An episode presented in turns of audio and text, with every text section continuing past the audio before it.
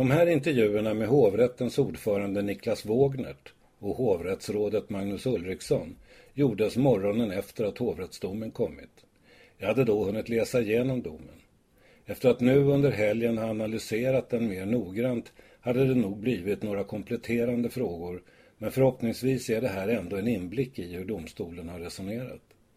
Jag började med att fråga Niklas Wågnet om den friande domen i huvudsak handlade om en annan bevisvärdering än tingsrättens eller om det rörde sig om ny bevisning. Du, för, man, man kan väl angripa det, den frågan på, på två sätt kanske. Man skulle ju kunna i varje enskildhet, varje påstående från åklagarna. Mm. Um, och så gör man ju en prövning hur långt det bevisningen räcker för det påståendet. Har du ett påstående då där det bara finns gammal bevisning, då blir det ju på samma underlag som tingsrätten har haft. Ja, och där kan man säkert, där kan man hitta, för det är ju inte, trots allt inte så vansinnigt, vansinnigt ny bevisning. Och då, då, kan man hitta punkter där vi har gjort en annan bedömning än, än vad tingsrätten har gjort. Mm. Men att singla ut de enskildheterna, den exercisen har vi inte gjort. Jag har läst lite intervjuer med, med olika personer här på morgonen igår kväll. Och några förklarar då skillnaden mellan eh, 18 år och 57 miljoner i skadestånd och är helt frikänd med att det kan vara en lite en liten, liten skillnad som avgör sådana saker. Är det en väldigt liten skillnad som avgjort det hela? Eller känner ni er säkra så att säga på, på marginalerna? Ja, du generellt, man kan ju säga så här, i det här målet när det står så oerhört mycket på spel i form av långa fängelsestraff och, och ersättningsskyldighet, så är det ju egentligen samma sak som när det gäller något, ett betydligt mindre brottmål och där det gäller ett, ett helt annat straff, kanske, kanske ett bötesstraff, så blir ju skillnaden mycket större här när det gäller resultatet. Men metoden att pröva bevisningen är ju exakt densamma. Och sen det, det andra ledet där, om det var, vad sa du, om det var svårt att komma fram till det här slutet? Ja, om det var så att säga på marginalen eller om ni, ni tyckte att eh, det, ni var väldigt klara över det hela. Varje moment som åklagarna påstår, det vet ju du, ska bevisas. Ja. Och i de delar där det inte finns någon bevisning så är uppgiften ganska lätt, kan man väl säga. Och då tänker jag bland annat på påståendet att det ska ha köpts narkotika i Sydamerika. För det har det inte lagts fram någon bevisning. Och då är det ju lätt att komma till slutsatsen att påståendet om köp inte är visat. Så kan man nog uttrycka det. Sen i andra delar där det finns mycket bevisning så blir det en svårare bedömning. Och svårare på så sätt att, och det beror på själva, man måste egentligen gå in på, man går in på varje enskilt påstående och titta vad finns det för bevisning. Mm.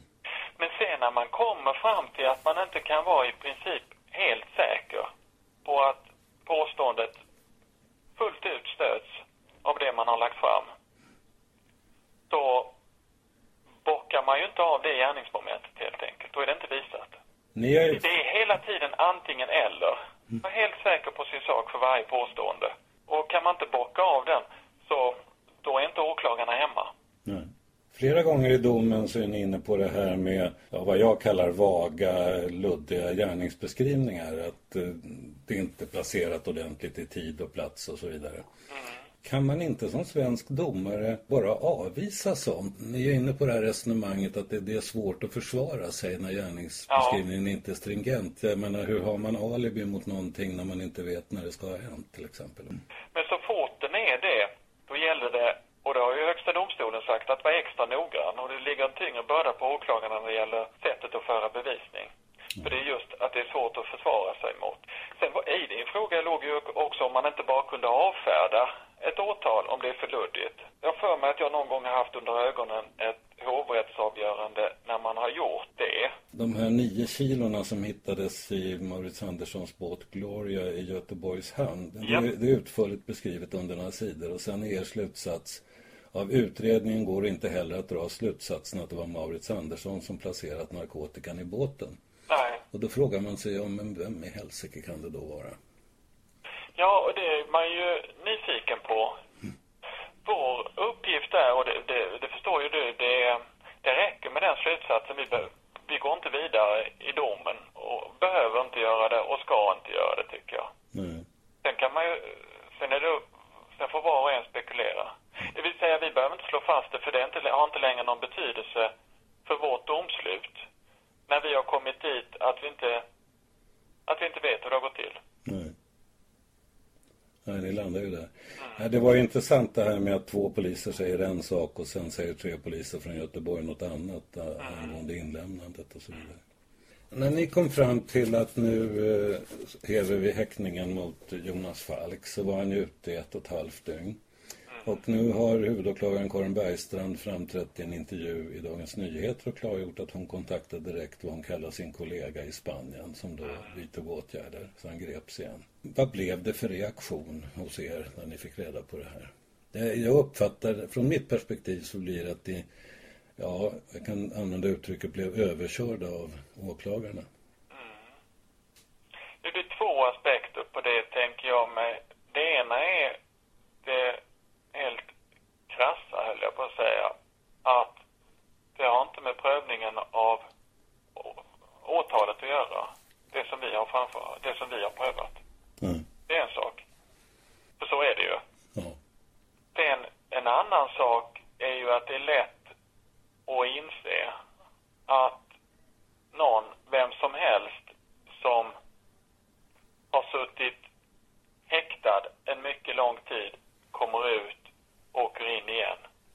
Att det måste eh, kännas. Ja. Kort sagt. Själv är jag förvånad. Jag var dåligt insatt i europeiska arresteringsorder av det här slaget. Men det som förvånade mig är att det kan tas på så pass låg nivå. Det inte skulle högre upp, typ riksåklagare eller liknande. Att eh, på låg nivå i en liten tingsrätt i en landsortsstad så, så kan man besluta och sen kan den egna nationen inte stå upp i sak för sina medborgare. Jag, jag blev förvånad men det är bara att konstatera att så är det. Det där instrumentet är ju ett led mellan EU-länderna så har man ju på det straffrättsliga området på två nivåer kan man väl säga. Det ena är eh, ömsesidigt erkännande och det andra är den materiella straffrätten, att man har gemensam, mer eller mindre gemensam lagstiftning. Man har tillnärmat lagstiftningen på vissa områden, på många områden. Men eh, det här arresteringsordern tror jag att man kan hänföra till det här ömsesidiga, ömsesidiga erkännandet av varandras system och enkelt uttryckt går väl det ut på att man har men det vet du att man har ett, ett regelverk som går ut på att man litar på varandra. Att man har liknande lagstiftning som möjliggör att, att en åklagare i ett land vänder sig till en åklagare i ett annat land och fyller i en blankett. Mm. Och då är det upp till det landet som ska lämna ut en person att man bockar av, helt enkelt att de formella förutsättningarna är uppfyllda. Ja. Men sen finns det i reglerna kring detta också att landet i fråga kan under vissa omständigheter vägra. Och det, var ett tag sedan jag hade en sån här sak under ögonen senast. Men ett skäl är till exempel att saken är redan prövad. Så det finns, det finns helt enkelt vägransgrunder. Och är saken redan prövad har jag för mig att det är just en, det är en sån sak. Då, då kan landet som får den här begäran säga nej. Efter lite inledande allmänt prat om domen ställde jag även frågan till hovrättsrådet Magnus Ulriksson om de nio kilona kokain som påstås ha hittats i Maurice Anderssons båt i Göteborg. Och det är ganska utförligt beskrivet och sen kommer en slutsats som lyder av utredningen går det inte heller att dra slutsatsen att det var Maurits Andersson som placerade narkotikan i båten. Och det där blir jag lite undrande över. Vem skulle då kunna placera narkotikan i båten? Det, det verkar något absurt på något sätt. Så att gå och placera ett som på gatan har ett värde på 30-40 miljoner i en segelbåt i ja, Göteborgs hamn. Det, är, det är som tingsrätten skriver också. Det är, de hade också någon att, att det var, var märkligt och så. Det fanns någon sån formulering i deras dom om det där också. Och, eh, så är det. Men, men eh, för prövningen av åtalet i, i, i så, så behöver ju domstolen då i det här fallet hovrätten eh, ju bara ta ställning till det som påstås och eh, behöver ju inte ta ställning till frågan ja vem är det då som har lagt det i båten. Mm. I, för vår del så, så ska vi pröva det som påstås och där är det ett rakt påstående att det är Maurits Andersson och det här från den där tidigare eh, överseglingen då fram till på mm. det sättet som beskrivs. Så att det, det, det, det, kan vi inte säga att det är så. Ja, det är, alltså, vi, vi har inte, vi, vi, kommer ju inte längre i den delen än, än att konstatera att det, det, det går inte att säga till Maurits Andersson och, och ja. Sen, sen om man vill spinna vidare på det, det, det är en annan historia men det är inte, det är inte, det är inte hovrättens uppgift att göra det. Nej, var, varför jag undrar är ju att det har ju ifrågasatts helt enkelt vad de här poliserna har vittnat om. Eh, bland annat har Göteborgs polisen ja. förnekat att man har tagit emot något kokain och sånt där. Så. Ja, precis. Jo, där, där, I den delen hördes ju ny, eh, ny, fanns ju ny bevisning, nya vittnen mm. om, om, eh, om, eh, om de här, den här aktuella natten då när, när narkotikan ska ha kommit till, till polisen i Göteborg. Ja. Och det finns ju, det finns ju, jo, det, det, är ju, det är i alla fall redovisat i domen att, att vi har hört de där personerna. Ja. Eh, sen eh, din reservation. Eh, det där är ju intressant. När, när ska ett, det räknas som ett brott så att säga? Jag tänker det här är, blir väl nästan lite av en övergripande principiell fråga. Är, är det här någonting som man skulle kunna tänka sig att HD skulle ta? Det har jag absolut ingen aning om. Men, men som du ser, det är ju tre sidor i alla fall med, med, med juridik i, i, i den här frågan och eh, ehm, så att, att eh, och, så, ja, och det finns ju rättsfall på frågan och det finns eh, uttalanden från Högsta domstolen som du ser där som, som, som jag återger om eh, i det här tidsskedet när, när ska man ha kommit så långt i, i en, en förberedelse och planering att, att det anses att man har påbörjat utförande av visst brott. Mm. Utan att för den saken skulle ha kommit så långt att, att det är fråga om ett fullbordat brott. Mm. Och eh, min bedömning var ju då att, att eh, de där två utseglingarna som Maurice Andersson gjorde från Martinique de där två, vid de där två tillfällena inte innebar att eh, man kunde säga att han har kommit så långt i, i sin plan att, att det var påbörjat utförande av ett grovt narkotikabrott. Mm.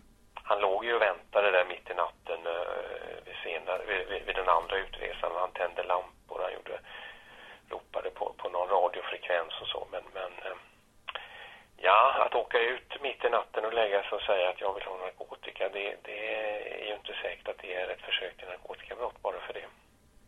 När det gäller Maurits Andersson, ni avvisar ett antal eh, punkter då som han dömdes på i tingsrätten men ni kommer ändå fram till att han ska ha samma påföljd, 14 år. Ja, absolut. Precis. Eh, det låter tvekligt. Jag tycker att det är, är, är, är knepigt men, men eh, det, det, är naturligtvis så. Han döms ju för, för eh, de 1,2 tonnen som åklagaren i slut landade i att precisera till mängden till. Mm. Och sen då som, som då majoriteten kom fram till också försök till de där 700 kilona, alltså året innan. Mm. Och då är man ju uppe i det ena året 1,2 ton och det andra 700 kilo. Det är ju sanslösa mängder så att det, det är ju det som slår igenom då på straffmätningen. Mm. Mm. När jag läser domen så, så på flera ställen så finns det formuleringar typ att eh, Jonas Falk har haft kontakt med och, men ja, det räcker inte så att säga för att bevisa. Nej, så är det ju tveklöst. Det finns ju bevisning och kontakter med, mellan Jonas Falk och Maurits Andersson. Mm. Så är det Och även, även den sista punkten är det ju så. Det finns ju ett telefonsamtal eh, kort innan där i slutet på maj. Va? Så, att, så är det ju. Men eh, sagt, mm. därifrån är steget långt till att säga att det är ställt bortom rimligt tvivel. Ja, det var det som var min fråga. Hur långt, hur långt var det så att säga? Var det gränsfall eller var det glasklart för er att det här räcker inte? Alltså, det, det, man, domstolen har alltid en uppgift att bestämma sig. Mm. Man kan inte bara säga så att det här är oklart och, och, och sen hoppa ur utan domstolen måste alltid bestämma sig och, och, och när man har bestämt sig så då är ju domen för vår del glasklar. Mm. Att det räcker inte. Nej. Men sen kan jag inte, sen kan jag inte, eh, alltså det, det, man kan inte berätta om, om hur, hur eh, överläggningar går till. Nej, nej. Det är hemligt även, även efter det att dom har meddelats, hur resonemang har gått och så. Men, men överläggningen resulterar i detta att det är glasklart att, att bevisning Och därmed över till vad som väl bör benämnas huvudpersonen, Jonas Falk. Hur reagerade han när han fick reda på att han var helt frikänd? Eh, efter frisläppandet så var väl det förväntat men det är klart att det var eh, glädjande att få bekräftat att det var på det sättet. Din advokat stod på telefonen 14 så ni hade kontakt precis då va? Ja, jag ringde upp honom fem minuter tidigare. Vad säger du då om vi tittar på domen som helhet? Vad är din uppfattning om den? Ja, att de har gjort, eh, till skillnad mot tingsrätten, en noggrann bedömning. Och eh, sen är det såklart så att hovrätten, eh, deras roll är att göra en överprövning av tingsrättens dom. Så att de gör ju en bevisvärdering. Och som åtalad kanske man helst vill ha uttryckligt att man inte är skyldig, men det är inte så det fungerar. Utan pratar i termer om brott inte är styrkt eller inte. Jag diskuterade den artikeln i en intervju jag gjorde med årets presidenten Fredrik Wersäll för några veckor sedan. Då sa jag att när vi journalister använder begreppet frisläppt eller frigiven eller friad så brukar jurister protestera och säga nej det handlar om att bevisen inte var tillräckliga. Men då sa han att jag tycker frisläppt och frikänd är, är bra begrepp att använda. Det är så vi ska se det.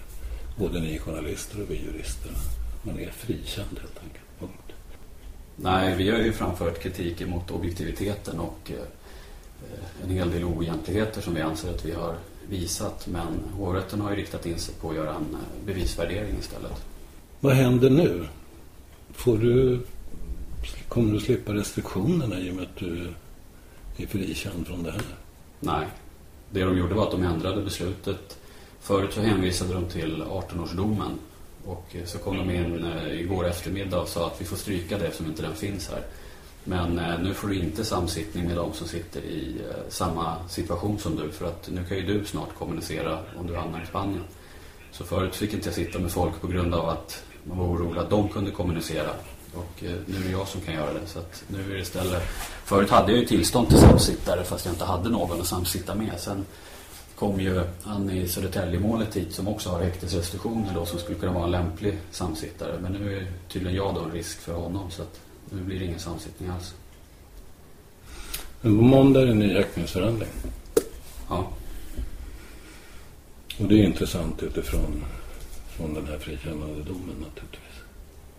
Ja, det som är det mest intressanta det är väl att hela det här arresteringsorderförfarandet, det här europeiska gå ut på att eh, alla länder ska respektera och erkänna varandras eh, rättssystem.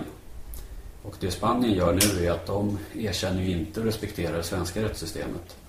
Eftersom de åberopar ju tingsrättens dom som bevisning och bryr sig inte om att hovrätten har ändrat domen. I hela det här skriftliga åtalet så framgår det att man hänvisar till att det skulle ha skett en penningtvätt av kapital som skulle härröra från åtalspunkten 1 och åtalspunkten 3. Och efter det här frikännandet så skrev den svenska åklagaren från Ekobrottsmyndigheten till Spanien och frågade förändrar det här spanska åtalet eftersom det är ett frikännande på precis allt. Och då skrev han nej, nej, nej, det spelar ingen roll överhuvudtaget. Så att han har ju för avsikt att inte respektera det svenska rättssystemet och hovrättens dom. Och då tycker man väl att det är kanske lite märkligt att Sverige sitter och häktar mig och säger att vi kan inte göra någonting för vi måste respektera det spanska rättssystemet.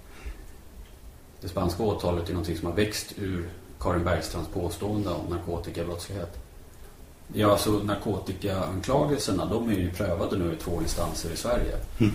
Och påståendet nere i Spanien eh, är ju att det ska komma pengar ifrån de här narkotikabrotten. Och då tycker inte jag att man kan påstå att det är en annan gärning i Spanien. Mm, så som de vill göra då, för att det är en annan rubricering. Och så som jag uppfattar det så är det dels ska ju tingsrätten, eller uppfattar det står ju så att tingsrättens dom ska åberopas. Den har de översatt till och med i valda delar med hjälp av Karin Bergstrand. Och eh, sen ska de väl åberopa telefonavlyssning med Maurits Andersson också. Så det innebär ju att de ska ju fortsätta påstå att jag ska vara skyldig till det jag är frikänd för. Jag tänkte på några saker i den här domen. På några ställen tar de i lite grann. Skriver när det gäller åklagarens påstående att Jonas Falk och Maurits Andersson tillsammans och i samförstånd ska anskaffat och förvärvat narkotika konstaterar hovrätten att det inte finns någon som helst utredning till stöd för detta. Redan av den anledningen kan åtalet mot dem vad gäller anskaffande och förvärv av narkotika inte bifallas. Det är, där är det lite kraftigare så att säga att lägga av. Men annars är det ju väldigt mjukt formulerat allting. Hur tänker du nu då? Tror du att du hamnar i Spanien? Ja, det beror på. Det, det, finns ju en del frågor som ingen kan svara på egentligen. Dels så finns det ju knappt några ärenden. De enda vi har hittat är två stycken, en polack och en finne. Eh, men för övrigt så har vi inte hittat några ärenden och det finns ingenting som är jämförbart. För att det man har gjort är att man har medvetet kringgått eh, utlämningsförfarandet och iscensatt en utvisning. Och eh, det medför en rättsförlust för mig. Och då är det frågan vem det ska landa på egentligen. Och det är väl en principiell viktig fråga för svenska medborgare om de ska genom åklagarens försorg eh, göras rättslösa eller inte. Så det är en fråga separat. Och sen är väl frågan om man ska respekterar det spanska rättssystemet när de visar så tydligt att de inte respekterar det svenska rättssystemet. Dessutom så är ju saken, grunden är ju prövad i Sverige redan.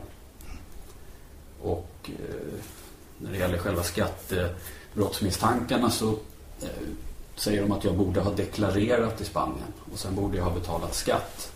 Men att inte betala skatt är ju inte ett brott i Sverige, exempelvis. Och då är det ju frågan om man eh, därifrån ska utlämna någon på, på de punkterna.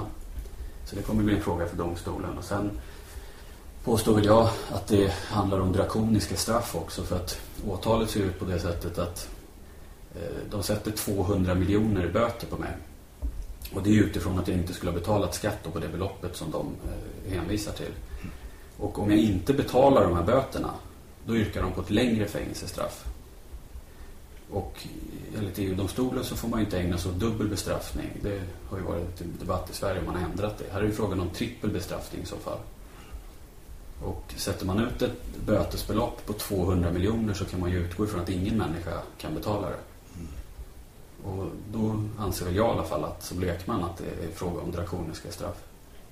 Vad händer nu? Är det spanska advokater som agerar eller? Ja, vi håller på att söka vilken spansk advokat som är bäst att ta det här ärendet. Jag tror att det fungerar på det sättet att den spanska förundersökningsdomaren, Karin Bergstrands kollega i den här gitten, mm. han har lämnat ett förslag och det är det de här yrkandena är. Det är ett förslag från honom. Och sen har han ett förslag på vad som ska åberopas då.